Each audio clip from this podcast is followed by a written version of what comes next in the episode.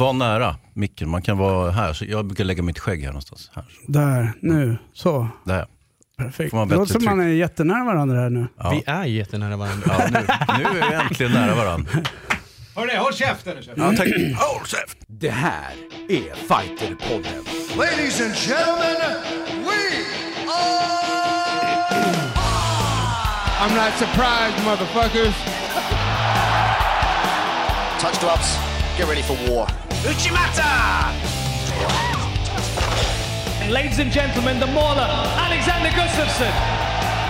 Oh my God. Double leg. He just got double leg. I'm gonna show you how great I am.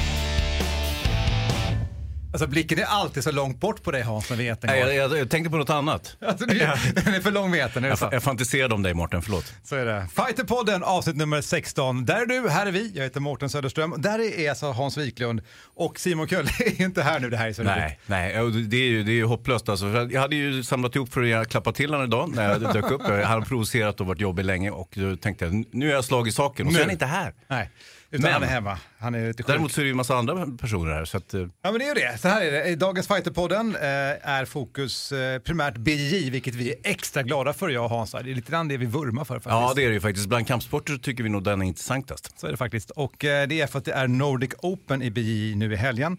Och för att fördjupa oss i det ska vi också ringa upp Rickard Karneborn om en stund, snacka lite grann om status. Den här kommer ju ut på fredag, precis innan. Idag är det fredag. Ja, det blir ju det, fast vi spelar in det på en onsdag. Jo, jo men det känns som fredag. Exakt så är det. Och skrattet där kommer från eh, Steven Antonio, välkommen. Tja! Som är elitansvarig inom BJ-förbundet Stämmer bra och tränar för Poseidon BJ. Stämmer. Och sen har vi Magnus Hansson här, välkommen. Yes, Som är klubb Team Gringo stämmer. Och den enda i Sverige som har svart bälte i 10 Planet Jiu-Jitsu. Jag är nog den enda i hela Europa skulle jag vilja säga. What? Det är inte dåligt. Det är Nej, jag bra. har stått ut ett tag också. Så är det. Och det är ju då under Eddie Bravo. Yes.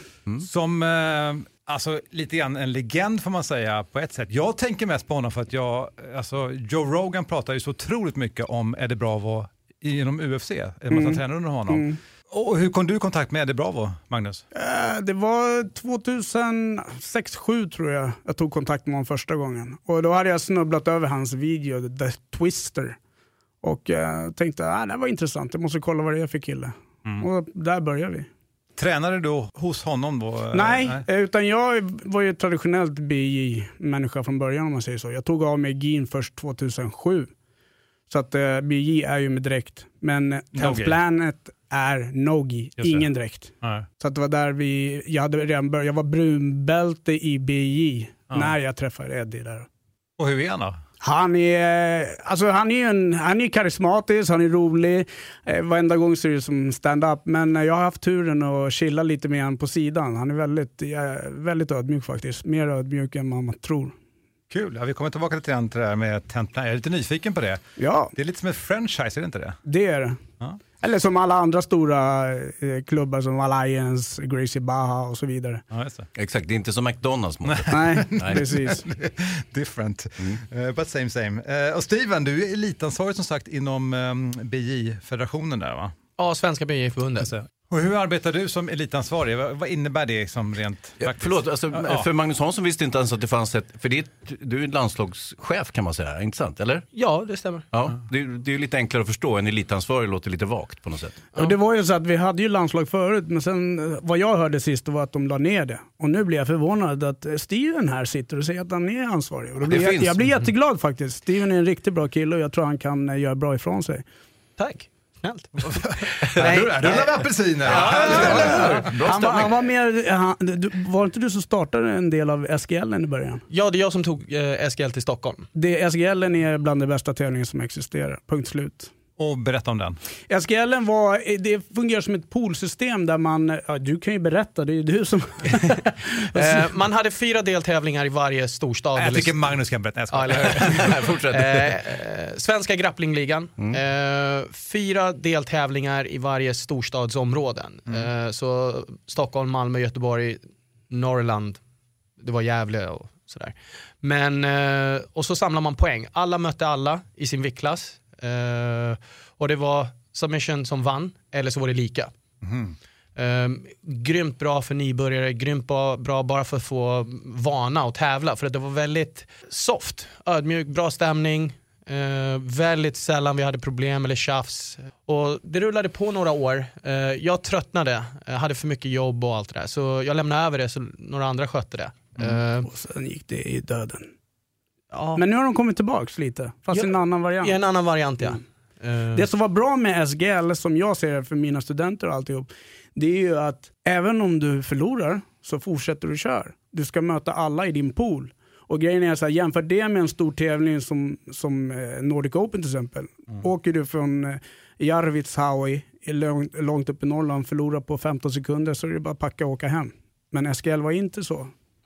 Det, det jag, tycker jag, det, jag håller med, det är en väldigt deppig grej också. Och när barnen tillämpar samma regelsystem så, åker- så barnet åker ut direkt. Det är ju, det är ju supertråkigt. det liksom. det, det, så får de ingen som helst tävlingserfarenhet egentligen med tanke på att det är så pass få tävlingar med GI också i Sverige. Så, Men det här var no-gi också. mm, ja.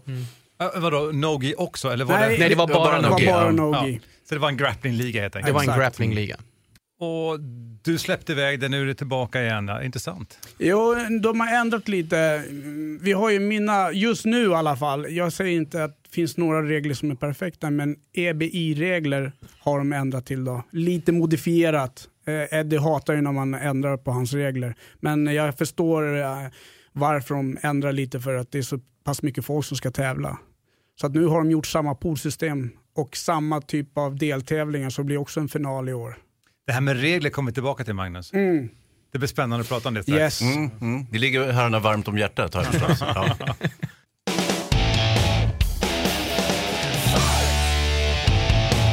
Han är inte här, men han är där, Simon Kölle, som ska köra kampsportsnyheter i korthet. Är du hemma alltså? Ja, jag är lite småkrasslig, så jag är hemma idag.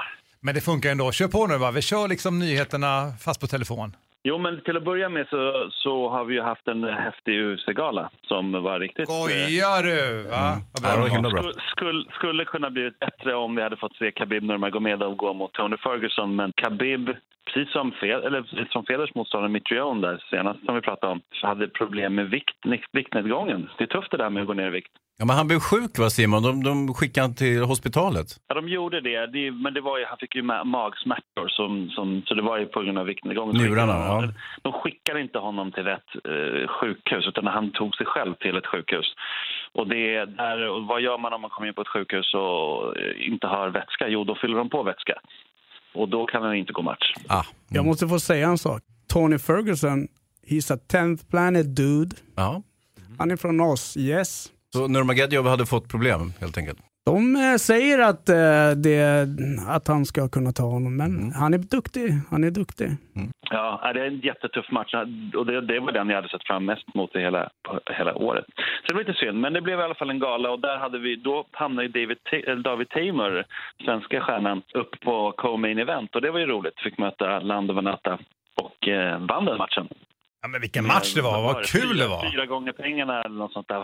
Han var ju en enorm, enorm underdog i den fighten verkligen. Och ja, det var en jättebra match. Det blev ju du, fight of the night och fe- 50 000 dollar extra till David och hans team. team. Så det var ju trevligt. Vad säger ni killar? Ni såg den också? Jag såg den faktiskt inte alls. Nej. När jag hörde Ja. att eh, Ferguson eh, inte går, då brydde jag mig inte mer. Okej, bra.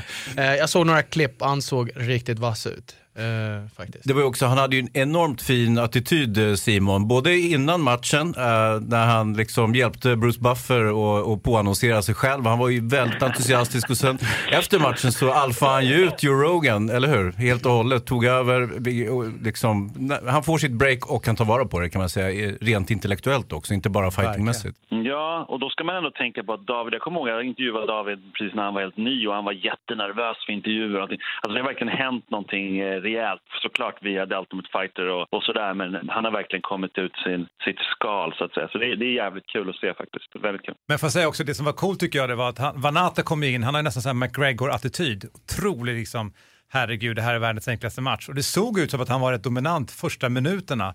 Men när han fick ett par smällar David, alltså när det började, då började han ge igen. Hans knän var ju fantastiska. Och han satte sådana low kicks, så jag tänkte bara, och då, ändå ville inte Vanata visa någonting, men till slut så bara bröt han ner Vanata tills han inte längre kunde liksom hålla emot. Och man såg i slutet här, tredje ronden, han bara flackade med blicken Vanata, det här kommer inte gå längre. Nej. Nej, det var imponerande. Han, han, han blev trött helt enkelt och, och, och David tog mer och mer över. Men det är ju det här, vi skulle ha ett jätte, en jättebra match också eh, som alla såg fram emot, huvudmatchen där eh, mot Woodley och Thompson. Den blev ju inte riktigt så jättekul. De är så jämna liksom. Och så så det, det blev lite ett sömnpiller i jämförelse med David-matchen, då, den som var innan. Men det jag skulle komma till det är ju att eh, han är ju thaiboxare, David, i grunden. Och vi hade, har ju haft thaiboxnings-SM. Visst var det en snygg övergång nu? Eller? Mm, bra. Bra. bra Simon. Det har blivit bättre. Jag försöker liksom lära mig av tv-producenten Hans Wiklund. Mm. Men, vet du, men hur som helst, så um, det var, det var kanske det bästa thai-SM vi har sett på svensk mark någonsin och det säger ganska mycket med tanke på att det var ett väldigt bra förra året. Och det är de liksom lite grann eh, satte ribban för alla andra. Nu, ni, nu är det grapplers där i, i studion och det är ju verkligen Eh, BJ har ju också, är också på frammarsch, men, eh, men thai, thai alltså det, är, det är den mest snabbast växande av de större kampsporterna i Sverige och det syntes där på SM. Och så. Sanny Dahlbäck fick en jättetuff match, i huvudmatchen kan man säga, så fick han kanske det tuffaste amatörmatch sen han mötte Tamer, för de har ju också mötts en gång i tiden. Eller två eller tre gånger. Men, eh, men vann den på delat domslut. Så eh, det var jättebra och vi, Fighter Mag, slog, slog alla möjliga rekord i trafik och allting. Och det är ju rätt kul med tanke på att alla pratar om att det bara är MMA som är stort. Så det är alltid roligt. Ja, men sen hade vi... Ett poddtips från Podplay. I fallen jag aldrig glömmer djupdyker Hasse Aro i arbetet bakom några av Sveriges mest uppseendeväckande brottsutredningar går vi in med hemlig telefonavlyssning och, och då upplever vi att vi får en total förändring av hans beteende. Vad är det som händer nu? Vem är det som läcker? Och så säger han att jag är kriminell, jag har varit kriminell i hela mitt liv men att mörda ett barn, där går min gräns. Nya säsongen av Fallen jag aldrig glömmer på Podplay. Också en, flera jättebra tjejmatcher. Vi har väldigt, väldigt bra tjejer i svensk thaiboxning, kampsport överlag. Och Patricia Axling som har blivit väldigt känd nyligen för Idrottsgalan och allting, men även för sina framgångar. Vi tog en liten intervju med henne som vi kan lyssna på här. Patricia Axling, du hade pressen på dig, du skulle ju vinna det här. Det var ju så, det var skrivet i stjärnorna, skrivet överallt. Du gjorde det också och du dominerade, du härskade. Hur känns det nu? Otroligt skönt. Eh, det var ju självklart annorlunda att gå in i SM 2017 med hela 2016 som har varit. Det är klart jag känner press. Konstigt vore det annars. Samtidigt så har jag sett Evelina matcha under året som varit och sett att hon har jobbat och blivit otroligt duktig. Så eh, jag såg ändå fram, fram emot matchen, men missnöjd över att jag inte fick ut riktigt det jag ville. Hon var som sagt väldigt tuff och jag träffade dig några gånger också riktigt bra. Men var det något speciellt som du kände så här, oh, det här var jag ändå bättre än henne på? Ja, jag tycker att eh, jag har vissa släggor i slagen som sitter. Eh, jag ger Evelina bra armbågar, de ska hon utnyttja, fina. Vad ska du göra nu närmsta tiden precis nu? Eller du är tillbaka och tränar igen på måndag eller? Jag, jag vilar aldrig särskilt länge men det är klart att jag kommer ta kanske några dagar av men annars så jag är jag är rätt fräsch och så i kroppen. Så att, ja, det är bara att fortsätta jobba.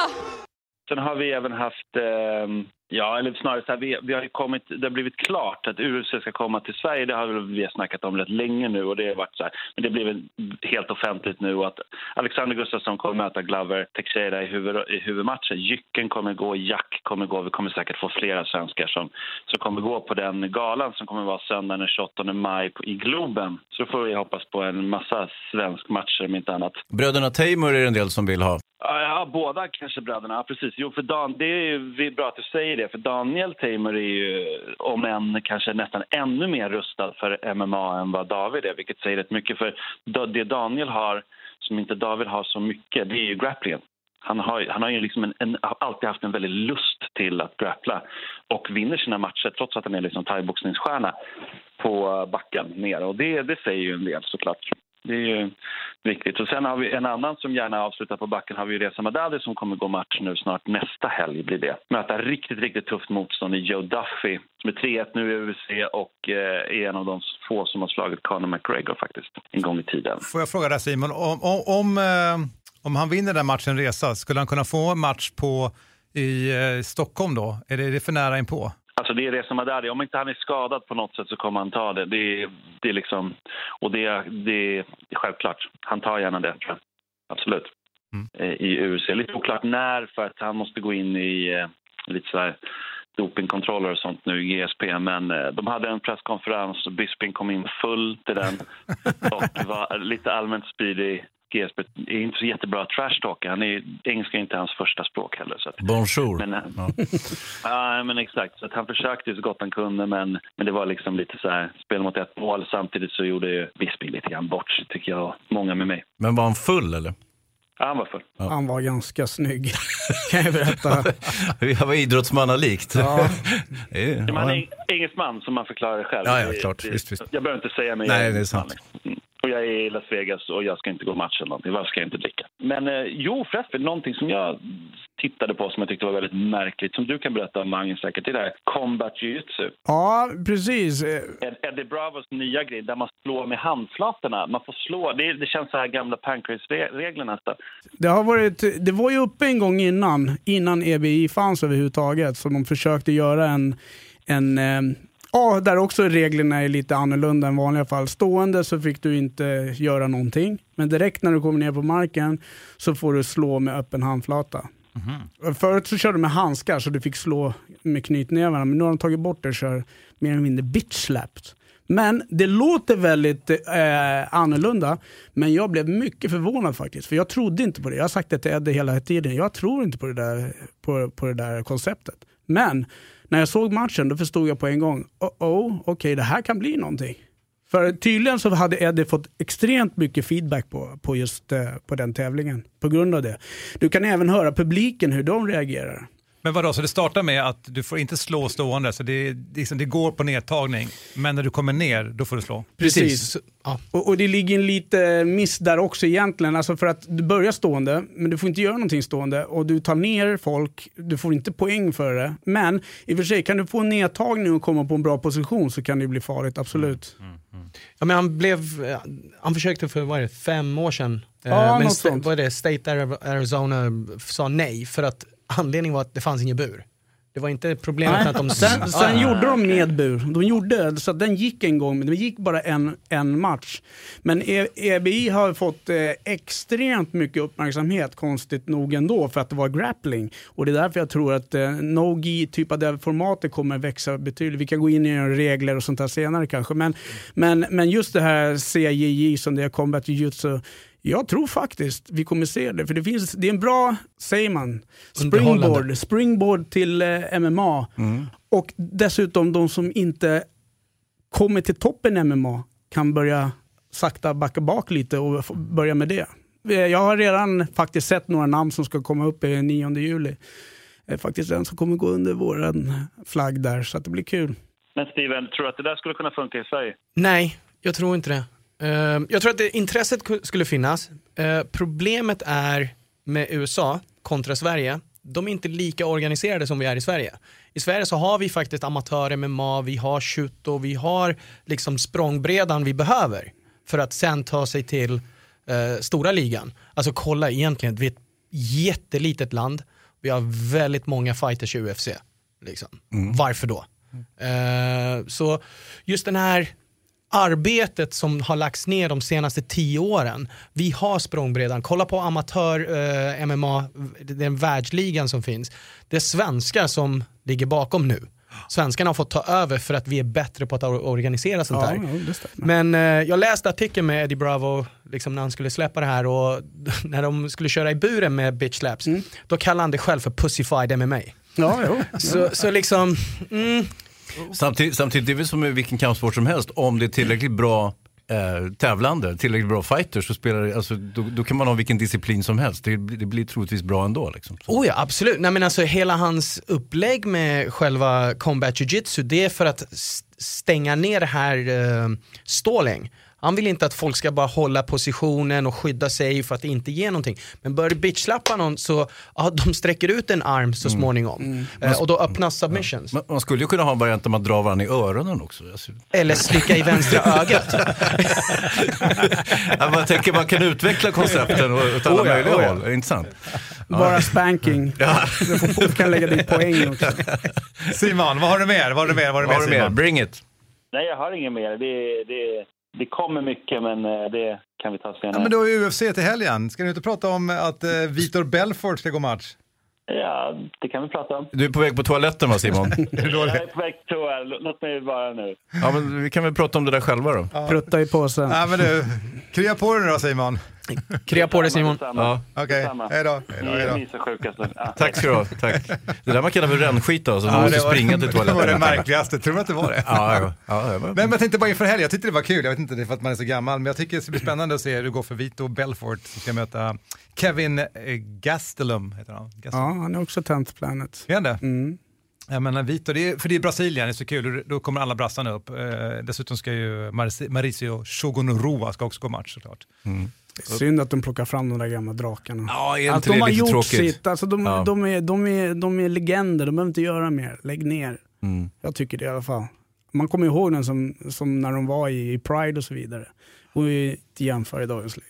Men samtidigt, just de här brasse-fighterna som, som är upp 39-40 år, alltså, det är ju inte så att de är ekonomiskt oberoende vid det här laget. Nej, troligtvis. nej det är de ju inte. Så men men eh, jo, såklart. Jo, jag, jag förstår dem. Jag menar, det, pengar i slutändan måste ju komma in, men samtidigt, man tycker nästan, det, det är lite som eh, Wanderlei Silva. Mm, Man vill komma precis. ihåg honom som han var i Ja. Pride. Det var, den, den människan kommer ju inte tillbaks. Liksom. Det spelar ingen roll vad du gör. Hur gammal är GSP? Han är inte så gammal va? Han är också snart 40 va? 37 eller något sånt där. Ja, det är så pass ändå. Andersson Silva är 39 år. Mm. Ja. Mm. Och Så att, ja, det återstår Ja, men titta, eh, eh, Dan Henderson. Mm. Ja, men han är ju 40... 49. 47 va? Nej, nej, nu blir jag Alltså han är gammal. Jag hade sagt Han är Jag höll sjukt på att säga gammal. 43 men... eh, Ja, ja, nej, jag men tar det det. Skitsamma, han är för vi, gammal Vi ska kolla upp det. Mm. Eh, hörni, vi stänger då det här med nyhetsbiten. Jag märker att inte han var här nu Simon. Blir lite Ja, det var synd att han inte kom som sagt. Många hade sett fram emot det och så vidare.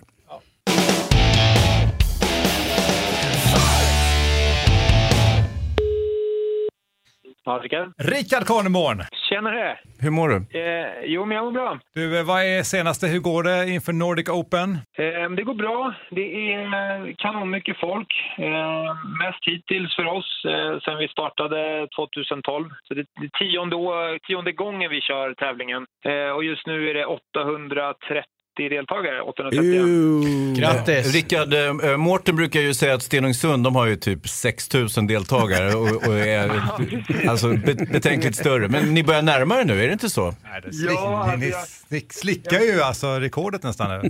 Ja, jag, jag pratade med Martin förut och bara, du Martin, det här är nog störst alltså. Har ni haft så här många? Och då blev det lite tjafs om det såklart. Men eh, jag vet inte, vi får se på lördag. Det är lite det som räknas, vilka som faktiskt står där och liksom startar. Men, men det är, ja, vi börjar närma oss, helt klart. Men ni kör på åtta mattor va? Ja, åtta mattor. Vad ser du fram emot mest i år? Ehm, nej, men att se alla och träffa alla och liksom den här härliga stämningen som blir. Ehm, och sen ska det bli kul. Vi har satsat jättemycket på att få till arenan i år eh, ännu bättre. Vi liksom försöker bygga bort den här eh, sporthallskänslan. Så att eh, ni kommer märka det när ni är där, att vi har verkligen satsat eh, mycket på att få bort det. Så att, eh, det, det ska bli kul att se hur det tas emot och hur det känns i hallen liksom. Rickard, vad, vad betyder det? Alltså det blir någon form av glitter och eh, glamourinramning med, med tatami-tjejer som promenerar och sånt där? Nej, ni, ni går inte överstyr helt och hållet. Nej, men eh, lite åt det hållet. Kanske inte riktigt så mycket som du tog i där, men, eh, men, vi, vi bygger in liksom, bygger bort ribbstolar och grejer med, med, ja, men lite som Swedish Open gör, fast vi eh, ska försöka vara lite bättre. Bra. Eh, jag vill inte avslöja för mycket, men det, det kommer kännas i hallen liksom att, att det är att vi, har, att vi har eh, lagt lite krut på det. Och sen provar vi att livestreama. Eh, tyvärr inte så från alla mattor. Det är så absurt då att den här urhallen där vi är, det är som en bunker. De har ju byggt liksom en bunker så att man kan knappt eh, få internet där. Så att vi är lite begränsade av den anledningen. Men vi har hittat en lösning som vi i alla fall kan streama en matta och streama finaler och lite sådana saker. V- Vad kan man se någonstans?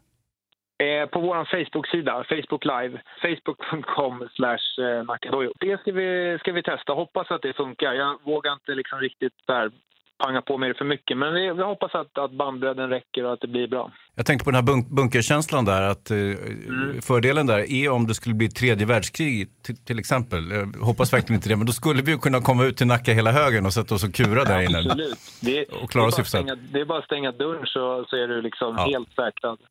Det verkar att Hans är den enda som är journalist i det här rummet. Det är så konstigt att det Ja, men mina nosiga frågor. Men du har ju, du har ju riktiga eh, jujutsu-kollegor som gäster i studion också. Men ni pratar med Rickard vet jag. Eh, ja, jag hade en fråga, jag var lite nyfiken på just den här med barnen. Jag tycker det är grymt att eh, det finns fler och fler tävlingar till barnen. Men i år så valde ni att dela upp dem vikt primärt. Nej, vi har faktiskt, det blev faktiskt en, eh, en liten fel i anmälningssystemet i, när vi satte upp eh, viktklasserna i, i- på Småskamp. Ja. Så att eh, vi hade en vecka ungefär där, där man inte kunde välja ålder. Men Ah. eh, sen så, så att, ja, jag har en miss sån här templet som vi skapar. Mm. Så att man valde bara eh, att anmäla sig på viktklass. Men nu har vi flyttat alla så att nu är man i rätt åldersklass och såna Ah, okej. Så vi, vi delar upp som vanligt. All right, som vanligt. Ja. Ja. Vad skulle du säga är den största utmaningen med att arrangera en tävling? det är att hitta folk och hjäl- som hjälper till. Eh, det är det som, är liksom, som vi krigar med. Det går åt otroligt mycket folk om man ska ha bra service. Så att det får vi. Och sen blir det lite så här, men för oss då, om jag pratar ur vår- liksom från Nackas synpunkt, så ska vi liksom dels arrangera då och tävla. Mm. Och det går ju åt massa folk då, för de tävlar ju liksom. Kan inte de hjälpa till? Och så, så det blir lite sådär, ja, man känner sig lite hela tiden som att man hamnar mitt emellan. Jag vill så gärna eh, att våra elever ska få coacher fast det finns inte tillräckligt mycket folk. Och så, ja, så blir det lite sånt. Så det, det är svårt att hitta folk ibland, men vi kämpar med det. Så det är väl en grej. Eh, ja, sen ska allt på plats. Det ska bäras och fixas och sådär. Så det är många timmar som går åt. Det vet ju du också Oh ja, oh ja. som arrangerar liksom. Så att, eh, men nu tycker jag att nu har vi liksom kört så många år och nu börjar det liksom sitta. Så nu har vi liksom bra rutiner och så här. Så för varje år så känner jag liksom, det blir lite, lite lättare. Helt klart. Så kommer man på nya idéer som det här som vi gör nu i år då. Då, liksom, då tar man ju på sig mer jobb för att det är kul. Nej, men du och Martin har verkligen eh, gjort ett fantastiskt jobb med, med Smoothcomp. Eh, det kan jag, jag som har varit med så pass länge, jag tror Magnus här också, hur det var för fem år sedan när man skulle till en tävling och man visste inte när man skulle tävla eller vilken matta och eh, matcherna börjar aldrig i tid och allt det där. Nu med hjälp av Smoothcomp, alltså det, det blir hundra gånger smidigare att arra- arrangera en tävling. Så det, det ska ni ha jättestor eloge för Ja. det jobbet ni har lagt ner. Faktiskt. jag håller med. Och, Särskilt tycker jag när det gäller, eh, till exempel när det gäller barnen så är det ju ett helt fantastiskt system. För att de hinner liksom aldrig tappa sugen. De vet hela tiden vad som kommer att hända. Det är ju hopplöst med barn annars om de bara ska stå och glo. Det är ju liksom, tappar man sugen och så tycker man inte det är roligt att vara på en tävling och sådär. Så att jag, alltså hatten av för det här systemet. Jag tycker det är en bragd alltså. Verkligen. Bra ja, jobbat. Vad kul, vad glad jag blir. Det blir jag är glad jag blir att ni säger så. Det är, ja, men det är skitkul. Det är världens roligaste grej. Det är det roligaste jag har gjort. Eh, helt klart. Eh, att få jobba med både jujutsu och datorer och teknik och sen eh, ja, och känna att vi liksom faktiskt kan, som ni säger då, göra en liten skillnad sådär. Och nu har vi haft förmånen att få jobba med, med UAE JF då, som är en, en jätteorganisation då. De gör ju fantastiskt för jujutsun och så har vi då fått möjligheten då att hjälpa dem med det. Så, att, så att jag lär mig sjukt mycket varje gång som vi har åkt iväg på några sådana här stora tävlingar. Så, så får man inspiration från dem. De satsar ju sjukt mycket på sina arrangemang. Så att, eh, nej, det är kul. Nej men det märks. Det märks att Och det, det, kommer, det kommer mera. Vi har, vi har liksom precis börjat bara. Alltså vi har en massa med, med grejer på gång som kommer i systemet. Bara att vi inte riktigt hinner med just nu, men det kommer. Men man ser ju också när man går in i Smoothcomp, alltså alla olika arrangörer som använder systemet, det är ju globalt nu, det är ju jättehäftigt Rickard. Mm, ja, men det har verkligen spridit sig över hela, tack vare UAE då, då. Sen har vi fått mycket kunder i USA och i Ryssland och, och sådär. Så att det, ja, det kändes som att det fanns ett så här, uppdämt behov av ett, ett bra system. Ehm, det var ju mycket därför vi liksom började. Det var ju för vår egen skull från början. Liksom, att kände att äh, men vi måste hitta någonting. Och sen så bara växte idén liksom, att fan, det, här är ju, det här kan gå att göra någonting bra. Så att, ja, det är skitkul. Eh, Rickard, slutligen, alltså, ehm, vi har ju Mange Hansson här i studion. Är ni konkurrenter där ute i Nacka? För hans klubb ligger också där tänker jag. Nej, ska jag inte säga. Jag brukar faktiskt skicka ganska mycket folk till Rickard. Vi, vi, eh, vi är ju, kör ju samma sport och, jag menar, och dessutom har vi ingen barnträning och allting. Så att om det är någon som kommer och vill ha barnträning, skickar jag direkt till Nacka Dojo. Fast du sa när du kom också här att du vill ha så få elever som möjligt, sa du inte det? Du har inte ens nybörjarkurs. Nej, precis. Så att, eh, därför skickar de vidare. Det Du måste ju bättre- vara världens bästa ambassadör för Nacka Dojo. Ja, men det, är, det är samma för oss. Jag tror inte man tänker så mycket på sånt där längre. Det, är liksom, det finns tillräckligt mycket folk överallt för, som vill träna. Så, att, eh, så att, nej, jag tänker inte så mycket på konkurrenter på det sättet. Liksom, utan det, är så här, det är kul att det finns klubbar och att folk får träna i jujutsu. Ja, så, Stämmer. Stämmer. Rickard, stort lycka till med Nordic Open i helgen. Tack så jättemycket. Men ni får inte slå rekordet i Stenungsund, kom ihåg det bara.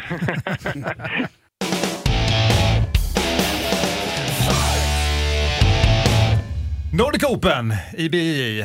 Ska ni vara där i helgen eller hur ser det ut? Självklart. Vad ska man annars vara? Ja. Mm. Ja, jag, jag tänkte nog vara där också. Din son som tävlar va? Ja, det hoppas jag. Han, är, han ramlar på snowboard i, på sportlovet så får vi se vilket skick han är i. Men eh, ja. Och du, ja, du- alltså, du representerar ju inte men du tränar ju på Prana och ni har ganska många duktiga utövare där. ja, det är flera stycken. Eh, jag vet inte, eh, Steven, håller du koll på, du är där och tittar på dina killar också som är landslagsaktuella antar jag? Ja, det stämmer.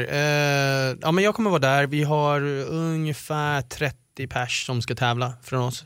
Från, från Eh, Poseidon? Från Poseidon, ja. Stämmer. Vad är det med Team Gringo då? Kommer Ja, vi har hela noll.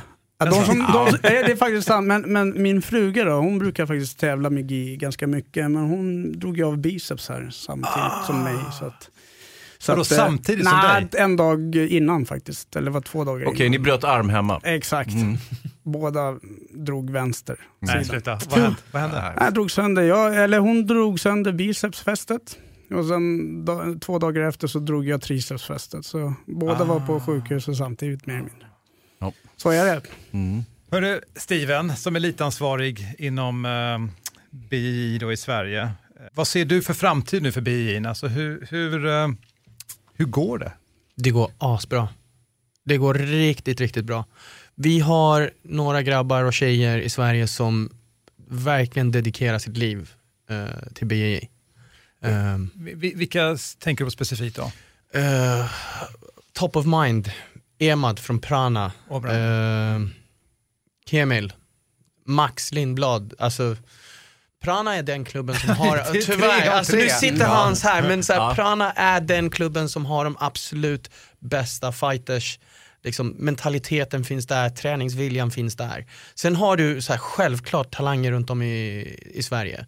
Eh, jag vet att Magnus har några riktigt vassa killar, för om de sätter på sig gin kunde göra jävligt bra ifrån sig Absolut. på våra tävlingar. Absolut. Eh. Ja, nej, men, men Prana, det är väl också så att de som verkligen vill satsa går till den klubben. För de är specifikt eh, tränar, jag tror de har tre pass om dagen och så vidare. Så att eh, vill du bli världsmästare, då ska du gå dit. Ja, men Carlson Gracie sa det, you wanna Mm. be a lion, train with lions. Det är, Ja. det är så enkelt. Men Mm. sen finns det bra folk uppe i, det finns några uppe i Norrland som är duktiga, verkligen kämpa.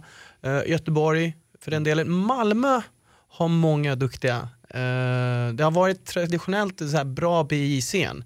Sen har de haft lite för mycket tjafs med varandra. Och, Och. Malmö-Köpenhamn hänger ihop lite grann också. så det Malmö finns ju- Köpenhamn hänger eh, ihop. Checkmatt. Checkmatt, Eh, ja. Köpenhamn har vassa fighters och de jobbar mycket tillsammans. Mm.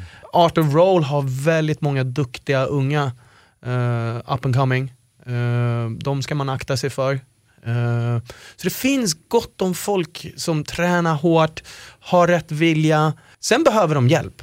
Eh, Ja, men hur funkar det rent praktiskt? Hur, hur kommer du in i landslaget i BJJ? Eh, För det första, du måste tävla. Både nationellt och internationellt. Det, det räcker inte med att bara ställa upp två gånger om året. Eh, Så du måste träna regelbundet, tävla, vinna naturligtvis. Sen har vi uttagning en gång per år. Där vi gör fystester, lite sparring, bara kolla läget. Jag har hyfsat bra koll på vilka folk är. Jag ser när de tävlar, jag har koll på resultaten. Jag säger inte så mycket och vi är inte så här jätteduktiga på sociala medier men vi har koll på, på, på folk. Sen pratar jag med olika tränare också. Eh, det är inte ovanligt att jag drar iväg ett sms eller ringer upp en tränare och säger du, har du någon du tycker passar in till det här? Så vi har uttagning nu för landslaget den 26 mars där man måste ansöka eh, och om jag anser att du kvalificerar för att vara med på uttagningen så bjuder jag in dig.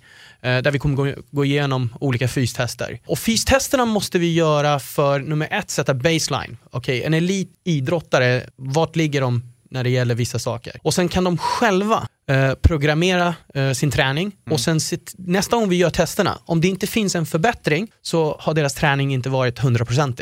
Om det finns en försämring, då måste de byta träningsprogram. Så det, finns ett tanke med landslaget. Kan du ta exempel, vad är det för fystester man gör? Eh, bland annat så kör vi eh, knäböj, frivändning, chins, dips, vi kör någonting som heter Börjesson test, Cooper-testet, 3000 meter, eh, sprint. Så det är standardtester som man gör för alla idrotter. Sen är det vissa som är specifika för oss inom BJ'n. Eh, och syftet är bara liksom ha koll på vad ska du göra som elitidrottare. Så en klubb uppe i Umeå exempelvis, kunna säga okej, ringer upp till mig, Steven, vad är det som krävs för att vara elit BJ-utövare i Sverige? Liksom, rent fysiskt. Ja, om du ska klara det här. Du, du ska klara x antal kilo i bänkpress och x antal kilo i marklyft eller vad det nu än är.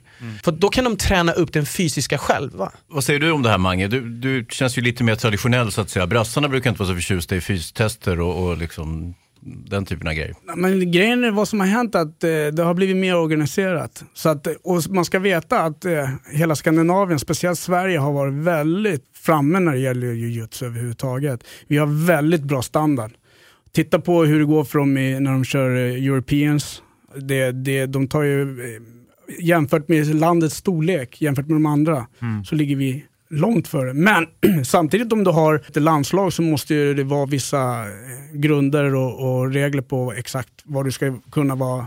Man ska kunna springa tre kilometer på en viss tid och så vidare. Så att jag tror det egentligen bara är bra. Speciellt för de som vill verkligen gå in med och bli världsmästare helt enkelt. Så måste ju, för det går inte att träna, även, det finns ju massa som tränar eh, BI varje dag. Men de kommer aldrig bli någon elit. Nej, men om du tittar på jänkarna eh, kontra brassarna. Jänkarna håller på att gå förbi brassarna rätt. Det, det kommer ta bara två, tre år så det är USA man räknar där, där alla världsmästare kommer ifrån. Brassarna, alltså visst det kommer finnas folk som kommer från Brasilien som gör jävligt bra ifrån sig. Det som jänkarna har gjort, de har tagit den här brasse-mentaliteten lite grann. De har tagit brasiliansk jiu-jitsu men sen har de lagt på den här idrottsspecifika moralen jänkarna har. De är överjävliga när det gäller att träna.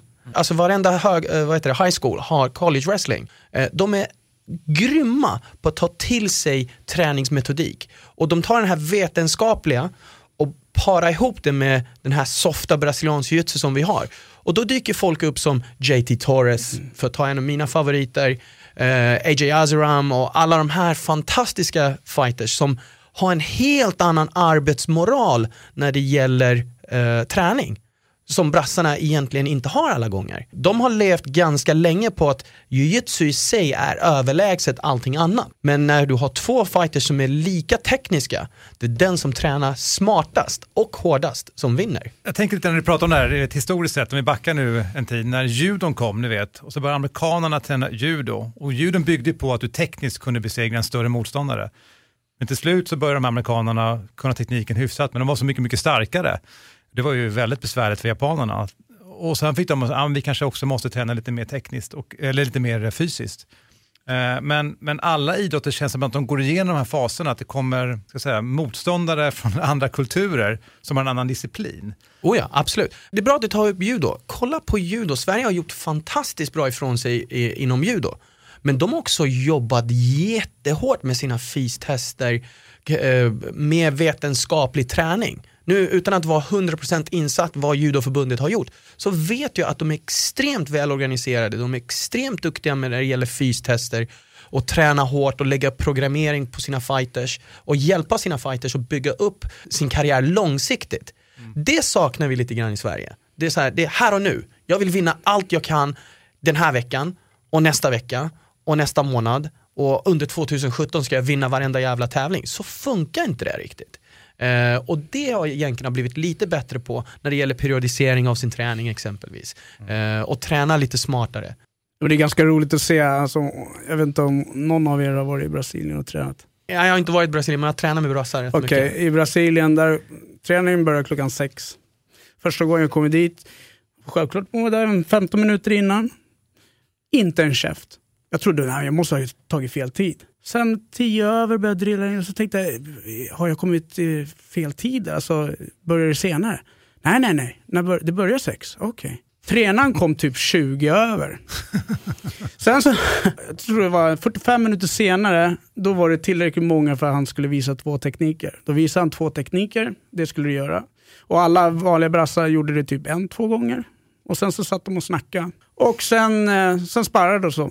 Men det, man får ge dem cred för en grej, för att de sparrades i timmar. Och de gjorde det varje dag, likadant. Eh, men eh, det skulle aldrig någonsin fungera i Sverige. Men, men när var det här i tid? Eh, det är inte så länge sedan, 2000, 2009. Kan dra så, så? är det fortfarande på många ställen. Det tror jag, absolut. Jag tror det där är typ eh, brassarna, tid, det funkar inte liksom. Träningen är ungefär då, då kommer man dit. Men jag, jag tränade i USA och där är det väldigt strukturerat även om det är en brasse som driver klubben. De Eh, måste, de är tvungna. Oh ja. jag, jag har haft förmånen att träna på University of Jiu-Jitsu, eh, Saulo Hibeiros. Och, eh, Jag där fick, var, jag fick blått bälte av Saulo. Jag vill Nice. bara veta att du, Well du ska done. veta det. Well done. Eh, och där var det liksom, det var lite roligt, så kom du fem minuter sent till klassen, då var det klättra upp för ett rep och straffgrejer och, och det var uppställning och alla var på plats, kanske 20 stycken svartbälten, alla var liksom uppställda, inget snack. Eh, och väldigt, väldigt strukturerad träning eh, hos Saulo. Det var fantastiskt roligt Och då kan jag ändå säga att Saulo inte hade det när han var i Brasilien. Ja, så så det, det, det är skillnad på land och land, det är så. De Jo, men det- måste där de har. Ja, absolut, men det är det folk som är grejen. betalar, betalar mycket. Vad kostar det Oj. där? Det är ja, det var inte skillnad. billigt. Det är inte billigt. Nej, men det, det är det jag menar, så här, den här arbetsmoralen och just den här med idrotten i USA och de har tagit till sig jujutsun, alltså den, den ihopparingen är fantastiskt. Och vi har det i Sverige också. Ja, vi snackar ju om elitsatsning här, man ska komma in i landslaget. Jag tänker lite grann på Prana Hans, alltså, för ni har ju uttryckligen både fysträningen och en tydlig elitsatsning kontra klubbar som faktiskt är motionsklubbar. Det är också beautyn i BJ, alltså vi är motionsklubb, eller elitsatsning. Men om man elitsatsar har ju du precis förklarat att det finns en väldigt tydlig nivå man måste vara på för att kunna vara en elitklubb. Men det tror jag att Pranas idé har varit också hela tiden, eller tränaren Kenta Hammarströms idé, att det ska finnas en fysisk nivå som du måste nå upp till om du överhuvudtaget ska få tävla med, eller träna med tävlingsgruppen så att säga. Att du måste kunna vissa saker. Eh, och, och det är ju för att dels förebygga skador, liksom att du har en korrekt rörlighet och styrka, liksom, den styrka som är avpassad för jujutsu. Så att han har varit väldigt nogsam med det. Absolut, han är ju känd för det. Mm. Men man ska veta också att den typen av träning som de kör som elit är fruktansvärt tråkig. Mm. Det, alltså, det finns nog ingen, ingen tråkigare sätt att träna. Men du måste träna så om du vill nå toppen. Punkt slut. Drilla, drilla, drilla. Tänk att få sätta på sig gin och aldrig rulla under ett pass. Man skulle bli tokig. Jo, men, men så är det. Det är, det är lite olika. Det är, och det gäller att, mm, som huvudinstruktör eller den som driver klubben att bestämma sig. Ja, men ska vi verkligen satsa på elitidrott, då, då är det vissa krav eh, vi måste ställa på våra fighters. Det är en viss mentalitet man måste ha på mattan. Eh, kontra om man ska köra motionsnivå, ha trevligt, rulla lite grann eh, ett par gånger i veckan. Det, det är två olika världar. Ja, den, är, den är inte jättelätt att kombinera men eh, som Prana har ju, har ju olika pass så att säga. Att du har ju liksom elitpass och sen så har du nybörjarfortsättning och sådär. Liksom. Och det är ju som ja, kampsport traditionellt eh, alltså i Sverige har varit med karate och allting. Man har ju, det är ju samma system ungefär. Eh, Även om det här är väldigt, väldigt mycket träning för att vara en svensk Ja, det är det. kampsportsklubb. Ja, det är- det är mycket Ja.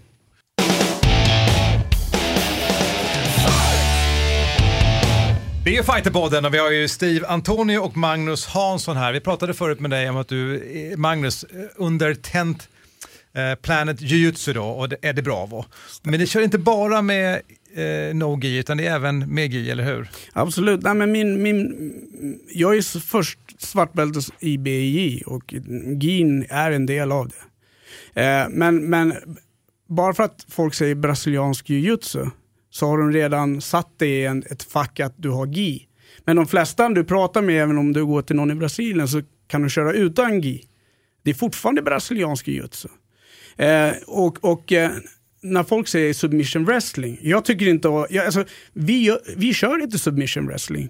För det är det de säger när du tar regin, ja, hux flux är det submission wrestling. För Nej. inte- för, vadå, för att det är ett regelverk i SV, eller vad tänker du då? Ja, SV är ju förkortningen på submission wrestling, eller hur? Eh, men jag brukar säga att submission wrestling är mer, jag skulle vilja säga det, jag skulle vilja lägga det i ett fack där det är mer som brottning och inte alls lika tekniskt. Och då blir folk förundrade, vad, vad menar med submission wrestling? Det är väl, ju- jo det är jutsu. Men det finns olika grenar på det. Därför jag säger så här som, som Steven när han körde SGL. Han hade mycket folk som kom från MMA-klubbar. Och de ville få eh, tävlings... Eh, eh Erfarenhet erfarenhet, precis. Och... Eh, Hans har lite grann den rollen att han fyller i. Ja, men det är bra. Det är, bra. Han, det, det, det, det är tacksamt. ma- Många blir som tvillingar. här. Precis, det är, tack, det är tacksamt. Det är tacksamt. Och, och deras stil är betydligt mer annorlunda. Det måste du säga också Stig. Alltså, Oh ja. MMA, jujutsun är helt annorlunda. Den är Jag vet inte ifall jag vågar säga det här. Jo, säg det. Den är rätt dålig. Ja, men- ja, ja, men, grejen är, jämfört med det tekniska vi Absolut. brukar se så Ja, går det ja. inte ens att jämföra. Alltså, man kan väl säga att, oj, hej. Den är, kan man inte säga att den är pragmatisk, alltså, den, är, den, är, den är ju liksom inriktad för att också slåss. Menar, Absolut, för, för att- absolut. att gå med nävarna. Absolut. Men det är den stilen som jag anser är submission wrestling. Men vi kör ju jujutsu, Ja. fast utan gi. Men eftersom att vi hela tiden kört med gi. Det enda som skiljer våran stil är att vi kör 10th Planet, mycket av deras, eh, deras, våra tekniker. 10th Planet är väldigt annorlunda. Vi har Rubber Guard, vi har Lockdown, vi har de här konstiga namnen som de flesta inte känner till. Eh, men vi använder den tekniken även med gi. Eh, Förstår ni vad jag menar? Så att det är samma stil fast gi och no gi. Men när ni har GI, då, då kör ni efter BI-regler? Nej. Exakt. Det är det jag säger. Där kom den. Där kom den. Icke, utan vi kör, då tänker folk så här, men vadå, benlås och sånt där, det, är ju, det ju, går ju knappt att komma ur. Ja det stämmer, det är jättesvårt, men det är fruktansvärt lätt att skydda sig också. Eftersom vi kan greppa. Du har, har hela dräkten att greppa. Men, men, men följer ni eh, BJJ-regelverket när ni tävlar i med... Alltså med, tävlar när, med när vi tävlar så Det måste de ju göra. Ja, Då gör det. Men när ni tränar med GI? När vi tränar med GI så har vi inte de reglerna, utan vi kör fullt. Om man säger, vi har några grejer som vi inte tillåter. Och det är mer, det är ingen teknik. Jag tycker att neckcrank är ingen teknik, även om det fungerar och får folk att klappa ut. Men det är mer skada, det ger ingenting. Och sen så tycker jag inte om att folk gör crossface över äh, näsan. Eh, när man tar underarmen och bara pressar rakt. Jag tycker Vadå? att det är, Jag fattar inte. Det gör vi hela tiden. Exakt, exakt. Det är vår huvudteknik. och, och slams, för slams eh, gör ingen funktion heller än, tycker jag personligen. Då. Men, det var, men annars är all, allting annat tillåtet. Jag ser det som en bra sak för att det tvingar oss, eh, till exempel i en tävling, att inte gå på... Du kanske har ett A-game som är benlås. Och du åker och tävlar och du kanske är blåbälte och får knappt göra någonting. Då måste du tänka om.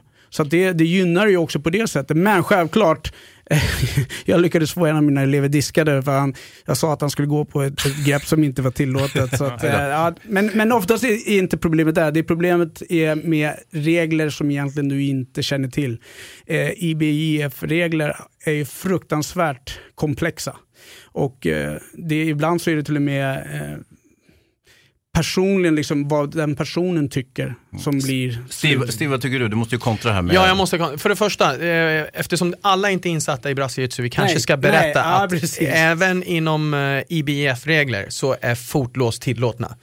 Ja, men inte, du får för inte dra, eh, toehold får du inte ta. Jo då, toehold får Inte blått. Inte i blått. Nej, men, ja, ja, precis. precis. Men fotlås är tillåtna, raka fotlås. Toeholds är tillåtna, Mm. eh, knee bars är tillåtna på den högsta nivån. Mm. Det som inte är tillåtet, som är väldigt, väldigt anses vara fult eller livsfarligt, Mer fult skulle jag säga. Brassarna tycker det är ja, fult. ja, eh, det är heel hooks. Ja. Eh, jag håller inte med internationella BJ-förbundet. Jag tycker förr eller senare så måste de släppa in heel hooks. Eh, För att det finns egentligen ingen riktig fara med det. Det är självklart. Det är som allting annat. Klappar du inte, då går Exakt. någonting av. Exakt. Eh, så du har If ett you don't ansvar. tap, it snaps. Tap or Precis. snap baby, Ja. det, du ja, men väljer. Ste- Steven har absolut rätt i det han säger. Och jag tror att faktiskt det roliga när man pratar med er, och jag säger så här, reglerna har ingenting med atleterna att göra. Jag säger så här, att de bästa i, i IBF-federationen, eh, de som ligger i topp, även om det skulle vara alla regler, så skulle det fortfarande vara samma personer som är där, som fortfarande sitter i toppen. Det är inte att oj, nu får vi göra den här tekniken, då kommer alla de här sluta och, och tävla och då kommer inte alls göra bra ifrån sig. Det är bara ren bullshit. Nej men de kör cross-training Ja, eller ja. de tävlar i olika eh, organisationer och allt det där. Men det som är, du säger att BI-regelverket är komplex. Jag, jag vet inte ifall jag håller med dig där. Nej, men alltså, komplext är det. det. Är mycket att hålla reda på. Jag kan säga så här, om du vill bli en riktigt bra fighter, riktigt, riktigt bra fighter, och om du vill vara i eliten, du ska kunna regelboken Oh ja. utan och innantill. Och Och där det har vi ett innebär att problem. vi går upp dit och får en fördel, sätter jag handen där så blir det inte en fördel och massa konstiga grejer. Fa- Fast det- som många inte förstår med, sven- med BI-regelverket, det är att det finns en tanke bakom det. Det är inte bara för att ge poäng. Hela tanken med BI-regelverket från början, det, det ska likna ett slagsmål. Absolut. Det, så du börjar ofta stående med, med slagsmål. Den som blir nedtagen är i underläge, då har du förlorat två poäng. Eller hur? Sen den som är överst är den som är dominant, nästan alltid. Ja men vänta här nu Steve, jag ska avbryta dig. Vem är det som vinner om jag drar gard, ligger i gard under, du är dominant i det här fallet säger, och du, vi ligger där i 5-6 minuter. Jo, Vem men- kommer vinna? Absolut. Ja, men Han som det ligger beror på. under. Ja, det beror på. Det beror på. Det beror är på hur aktiva ni är då. Ja, exakt. Ja, men så är det. Om, jag försöker, om du som är underst har min balans, om, du, om jag är i din gard och jag försöker passera och du typ sveper mig, då kanske jag får eh, en advantage. Men om du tänker ändå att regelverket är uppbyggt som ett slagsmål och du följer det i träning, då får du fighters som är smarta. När de, oavsett ifall de vill göra en övergång till MMA eller om vi pratar om självförsvar. För att, du får jättegärna rätta mig om jag har fel, men Absolut, jag berättar absolut. alltid för mina eh, elever, du ska alltid vara överst. Även om du är underst, din primära uppgift, det är faktiskt att hamna i en topposition. Och medan du försöker hamna i en topposition, hittar du submission, fantastic. Då har du vunnit. Men din primära uppgift är att hela tiden hamna överst. Det är vad regelverket är. Jag säger alltid hamna på rygg. Alltså ta deras rygg. Ja, ta det. Ja, men, ja, ja, absolut. Ta deras rygg, det är nästa. Men om vi, eller, det är ju väldigt nördigt här, men det är jätteintressant för mig och Mårten att lyssna på. Men, men, men eh, man tänker på publikaspekten. För den, den ska man inte räkna bort helt och hållet heller. Det är ändå liksom, det betyder att någon tycker det är kul att titta på också. Som en sån som jag till exempel. Ja. Jag tycker det är roligt. Samma. Ja, men jag kan säga så här. Kom ihåg det här nu alla som lyssnar. BJJ kommer aldrig någonsin bli en OS-gren. Period. Fast- Då var det sagt. Nej vad tråkigt, vad synd. Varför det? Nej, vet du vad? Jag, jag hoppas att det inte blir olympisk gren, om jag ska vara ärlig. Eh, jag tror inte att det skulle gynna oss. Jag, jag tror att vi tjänar mer på att inte vara i olympisk... Kolla på brottning. Det, alltså, det har blivit ett skämt. Det är så komplext ja. ja men är, är det du menar därför att det, ska Ja. man in i OS så blir det ytterligare komplext Oh regler? ja, oh ja. Judo, brottning, det går inte att förstå längre. Nej men det är några från Mongoliet som kommer upp och så här, drar ben på alla. Aha, nej men då förbjuder vi det där. Eh, för det är så mycket pengar involverade i det, liksom på, på en ab- absolut högsta nivån. Så jag, inte, jag hoppas att det inte blir en olympisk sport. Jag vet att det är många som hoppas det.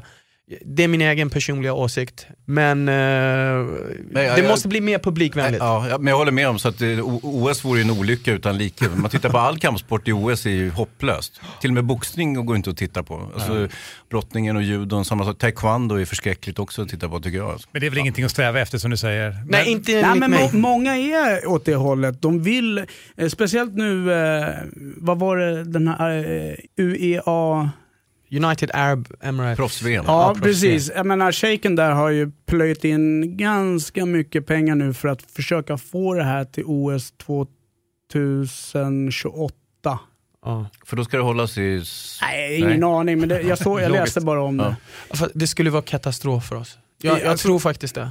det Folk tror ju att det ska bli mer, sprida sig mer om det blir en, som en olympisk gren, att det får mer eh, elitnivå i det. Men, men eh, jag säger också så här, för en vanlig person att titta på två personer som ligger och kravlar på mattan är ju inte så intressant skulle jag tippa på.